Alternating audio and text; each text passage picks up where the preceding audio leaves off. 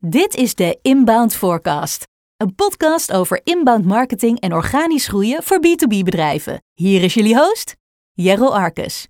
Leadgeneratie is dood. Althans, het is kapot. En heel veel uh, B2B-marketeers die zijn het daar wel over eens dat het uh, zijn uitdagingen kent. Dat er best wel wat problemen zijn, dat er trends gaande zijn die uh, ervoor zorgen dat we eigenlijk moeten stoppen met traditionele lead-generatie. Nou, inbound marketing is een methode eigenlijk om invulling te geven aan lead-generatie. Iets wat ik heel veel heb gedaan, waar ik groot fan van was. Ik denk nog steeds wel ben. Um, toen ik de naam voor mijn podcast nou ja, vastlegde, het domeinnaam en de voorbereidingen daarvoor begon, dat was denk ik um, eind 2021. Toen was ik nog niet echt met het demand generation gedachtegoed in aanraking gekomen, had me daar nog niet in verdiept. Uh, en toen heb ik dus voor inbound forecast gekozen. En ik heb me later, naarmate ik steeds meer over demand generation ging lezen, luisteren, kijken, met mensen praten, um, wel regelmatig afgevraagd van, is dat nog wel de juiste naam? Had ik niet een andere naam moeten kiezen? Nou goed, ik wist het niet. Um, maar in deze podcast wil ik eigenlijk wel de vraag stellen, moeten we stoppen met inbound marketing? Is inbound marketing dood? Is het kapot? Uh, is het nog te maken? En ik heb daar allerlei gedachten over. Um, toen ik met inbound marketing in aanraking kwam, of nee, ik zeg het eigenlijk niet goed toen ik me echt ben gaan verdiepen in inbound marketing en daar meer ervaring mee wilde opdoen, toen ben ik naar uh, HubSpot gegaan, zoals de meeste mensen waarschijnlijk. En het bekende modelletje met Attract, Convert, Close, Delight, dat sprak mij heel erg aan, dat begreep ik goed. Um, en daar kon ik goed invulling aan geven. Alleen in die verschillende fases hebben we onze uitdagingen. Nou, ik, ik pak voor het gemak nu even de eerste drie fases, maar uh, Attract, het aantrekken van vreemden om daar bezoekers van te maken nou ja, SEO en social media uh, zijn best natuurlijk wel veranderd door de hoge concurrentie. We hebben te maken met een content overload, iets wat in 2015, 2016 nog veel minder aan de orde was. Zero-click content is ook sinds die tijd enorm geëxplodeerd. Dus uh, mensen willen eigenlijk niet meer naar een website toeklikken. Dus van die vreemde bezoekers maken, mensen die daadwerkelijk je website bezoeken, is echt veel lastiger dan een aantal jaar geleden. Um, ja, je zou daarvan kunnen zeggen van dat werkt uh, nou ja, voor heel veel bedrijven niet meer. Convert, um, van die bezoeker een contact maken of een lead maken. Nou, mensen vullen minder snel een formulier in. Um, waarschijnlijk als ze gaan googlen, kunnen ze de inhoud van jouw PDF-document, van jouw whitepaper of e-book of whatever, ook wel ergens online vinden, ungated, dus niet achter een formuliertje, gewoon openbaar. Dus waarom zouden ze dan uh, hun gegevens aan jou geven? Nou, close. Uh, we weten steeds minder over onze leads. Dus de close fase draait om eigenlijk van die contacten klanten maken of van die leads contact uh, klanten maken. We weten steeds minder over die leads. Uh, dus we weten ook eigenlijk steeds minder goed van wanneer moeten we nou dat volgende stukje content aanbieden via bijvoorbeeld een e-mail nurture flow. En wat moet de inhoud daarvan zijn? Dus ook dat stukje is best wel lastig geworden. Nu moet ik er wel bij zeggen, dit is het oude HubSpot-model. HubSpot heeft een aantal jaar geleden een nieuw model geïntroduceerd. Ik moet eerlijk zeggen dat ik stiekem nog steeds een klein beetje op deze manier naar kijk. Um, maar goed, voor heel veel mensen zal dat ook anders zijn.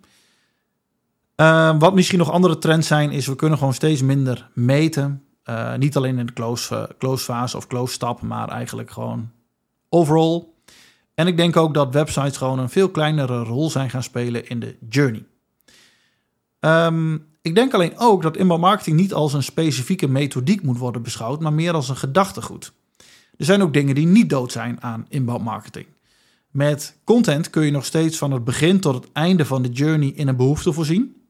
Met content kun je drempels wegnemen, uh, die eigenlijk het pad van de klant om die journey eigenlijk verder te bewandelen blokkeren. Um, dus je kan eigenlijk nog steeds uh, in plaats van verkopen eigenlijk gewoon helpen om te kopen door de juiste informatie op het juiste moment te bieden. Ja, en wat dat juiste moment is, ja, misschien moeten wij dat als bedrijf ook wel helemaal niet willen bepalen. Dat bepaalt de persoon die de content consumeert lekker zelf.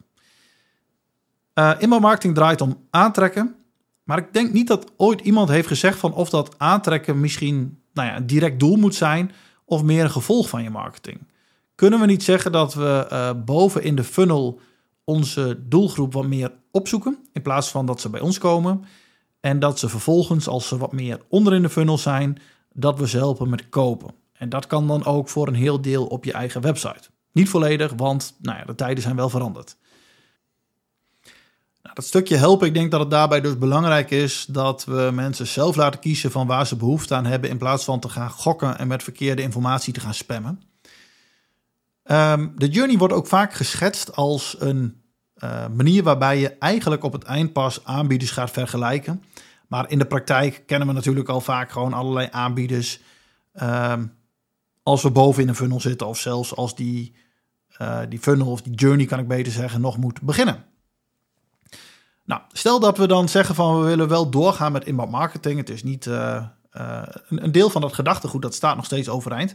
Welke opties hebben we dan? Ik denk verschillende opties. optie 1, doorgaan met de huidige aanpak, maar die misschien een klein beetje aanpassen, aanscherpen. Dus je zou natuurlijk kunnen zeggen van we gaan met onze conversies wat dichter op de aankoop zitten. Niet een heel breed algemeen whitepaper, maar een whitepaper waarvan je zeker weet van iemand die dit wil hebben, die heeft ook zeker uh, interesse in de oplossing die wij bieden. Ik denk ook dat we bereid moeten zijn om meer te investeren in het stuk content dat we gated dan weggeven. Uh, weet je, mensen vullen minder snel dat formulier in. Alleen, nou ja, ik merk het bij mezelf ook, ik doe het niet vaak, maar als ik het doe, dan krijg ik daar wel iets heel waardevols voor terug, waar ik het gewoon voor over heb. En ik weet maar al te goed wat ze met mijn e-mailadres gaan doen. Toch heb ik het nog steeds regelmatig, heb ik het er gewoon voor over. En dat geldt voor meer mensen. Ik denk ook dat we minder moeten leunen op organische kanalen. Uh, advertising is natuurlijk ook gewoon een heel goed kanaal om uh, die content bij de juiste mensen te krijgen. Ik denk dat we ook meer moeten vertrouwen op dat uh, de juiste mensen ons weten te vinden als ze klaar zijn om te kopen. Dat wij dat niet kunnen afdwingen. Ik denk dat we moeten accepteren dat de ROI niet vo volledig inzichtelijk kan worden gemaakt. En ik denk dat het ook tijd is om echt veel meer vanuit mensen, in plaats van vanuit organisaties, te gaan communiceren. Vanuit echte mensen, zodat we een gezicht erbij hebben en ook gewoon weten dat die persoon expertise heeft op hetgeen wat hij vertelt. Uh, een andere optie, dat is wat meer um, bewegen naar buyer enablement. Voor mij is buyer enablement eigenlijk het, het helpen van je uh, doelgroep met kopen. Uh, dus dat zit veel meer onder in de funnel en dat houdt niet op op het moment dat iemand met sales praat. Sterker nog, een heel belangrijk gedeelte is ook daarna nog dat je gewoon de persoon waarmee je praat helpt om de decision-making unit nou ja, in kaart te brengen, te overtuigen, te kijken van wat is er nou nodig om die persoon te helpen bij het kopen van wat jij aanbiedt. Nou, dat past wat mij betreft best wel goed bij het inbound marketing gedachtegoed. Alleen het, zit, uh, het centreert zich wat meer rondom uh, het einde van de journey of uh, de onderkant van de funnel. Een andere manier is kijken, of minder strikt eigenlijk kijken naar hoe HubSpot het gedachtegoed ooit aan ons heeft uitgelegd. Ik vind dat HubSpot daar best wel heel strikt in is geweest. Ehm, of dat is mijn interpretatie geweest. Het grappige is dat, um, uh, dat ik ooit door Rand Fiskin in aanraking ben gekomen met inbound marketing. En ik gok dat dat in 2013 was. En ik denk dat ik op dat moment nog niet wist wie HubSpot was. Dat ik hun website ook nog niet had bezocht. En uh, de uitleg van Rand Fiskin ging niet over marketing qualified leads en whitepapers en nurture flows. Zijn uitleg ging over met content helpen, drempels wegnemen, in de hele journey aanwezig zijn, echt waarde bieden, niet verkopen, mensen aantrekken. Ja, dat stukje staat natuurlijk gewoon nog steeds. Dat kan nog steeds. Er zijn heel veel bedrijven die dat nu nog doen. Heel veel bedrijven die daar nog succesvol mee zijn. Uh, dus een optie is gewoon er minder strikt naar kijken. En dan is inbound marketing zeker niet dood. Een andere optie, en dat is geen optie om uh, met inbound marketing door te gaan, maar dat is bijvoorbeeld gaan kijken naar het demand generation gedachtegoed. Is een andere methodiek, uh, heeft overlap, er zijn ook duidelijke verschillen. Ik ben er zelf best wel een groot voorstander van, een fan van. Um, dus dat is ook zeker interessant. Nou, natuurlijk worden we op meer andere plekken beïnvloed dan company websites. Maar als ik iets wil kopen, uh, en dat haakt dan een beetje in op dat demand generation gedachtegoed. Als ik iets wil kopen, dan heb ik geen zin om door acht maanden aan LinkedIn berichten van een voortleader uh, te gaan scrollen op zoek naar de antwoorden die ik uh, nodig ben. ik wil mijn antwoorden gewoon snel kunnen vinden, het liefst op één centrale plek. Dus je website als een soort van hub inrichten voor al die content, wat dus eigenlijk veel meer inbound marketing is dan demand generation. Ja, dat is zeker niet dood. En die twee die kunnen ook wat dat betreft prima naast elkaar bestaan. Ik zou uh, voor heel veel B2B-bedrijven adviseren om dat nog steeds te doen. En misschien dat die antwoorden wat minder uitgebreid moeten zijn, dat je daar niet bovenaan in Google mee hoeft te staan. Maar um, dat ze daar moeten staan, dat ze makkelijk te vinden zijn en dat je gewoon die drempeltjes wil wegnemen in die journey, ja, dat staat nog. Nou, ik denk ook dat, uh, ga ik even terug naar die Rand Fishkin aanpak. Ik denk dat als we er op die manier naar gaan kijken, dat, um, dat inbouwmarketing zeker niet dood is. En uh, ook de komende jaar, jaren geloof ik niet dat dat heel erg gaat veranderen. En natuurlijk zijn die trends, natuurlijk gaan ze invloed hebben. Natuurlijk hebben ze ook invloed op de ROI van inbouwmarketing, de ROI van lead generation. En ik zeg ook niet van zet al je pijlers op inbouwmarketing. Er zijn ook heel veel bedrijven waar tegen ik zeg van uh, begin niet met inbouwmarketing. Om verschillende van de bovengenoemde redenen. Alleen ik geloof zeker dat er nog heel veel bedrijven zijn die er heel veel uithalen. Ik geloof ook zeker dat dat de komende jaren uh, zo blijft. En zelfs als een aantal van die trends tot, tot hele extreme grote vormen uh, zouden komen, dan nog steeds denk ik dat uh, heel veel elementen en het gedachtegoed blijft staan. Bedankt voor het luisteren naar de Inbound Forecast. En vergeet niet om je te abonneren via YouTube of in je favoriete podcast-app.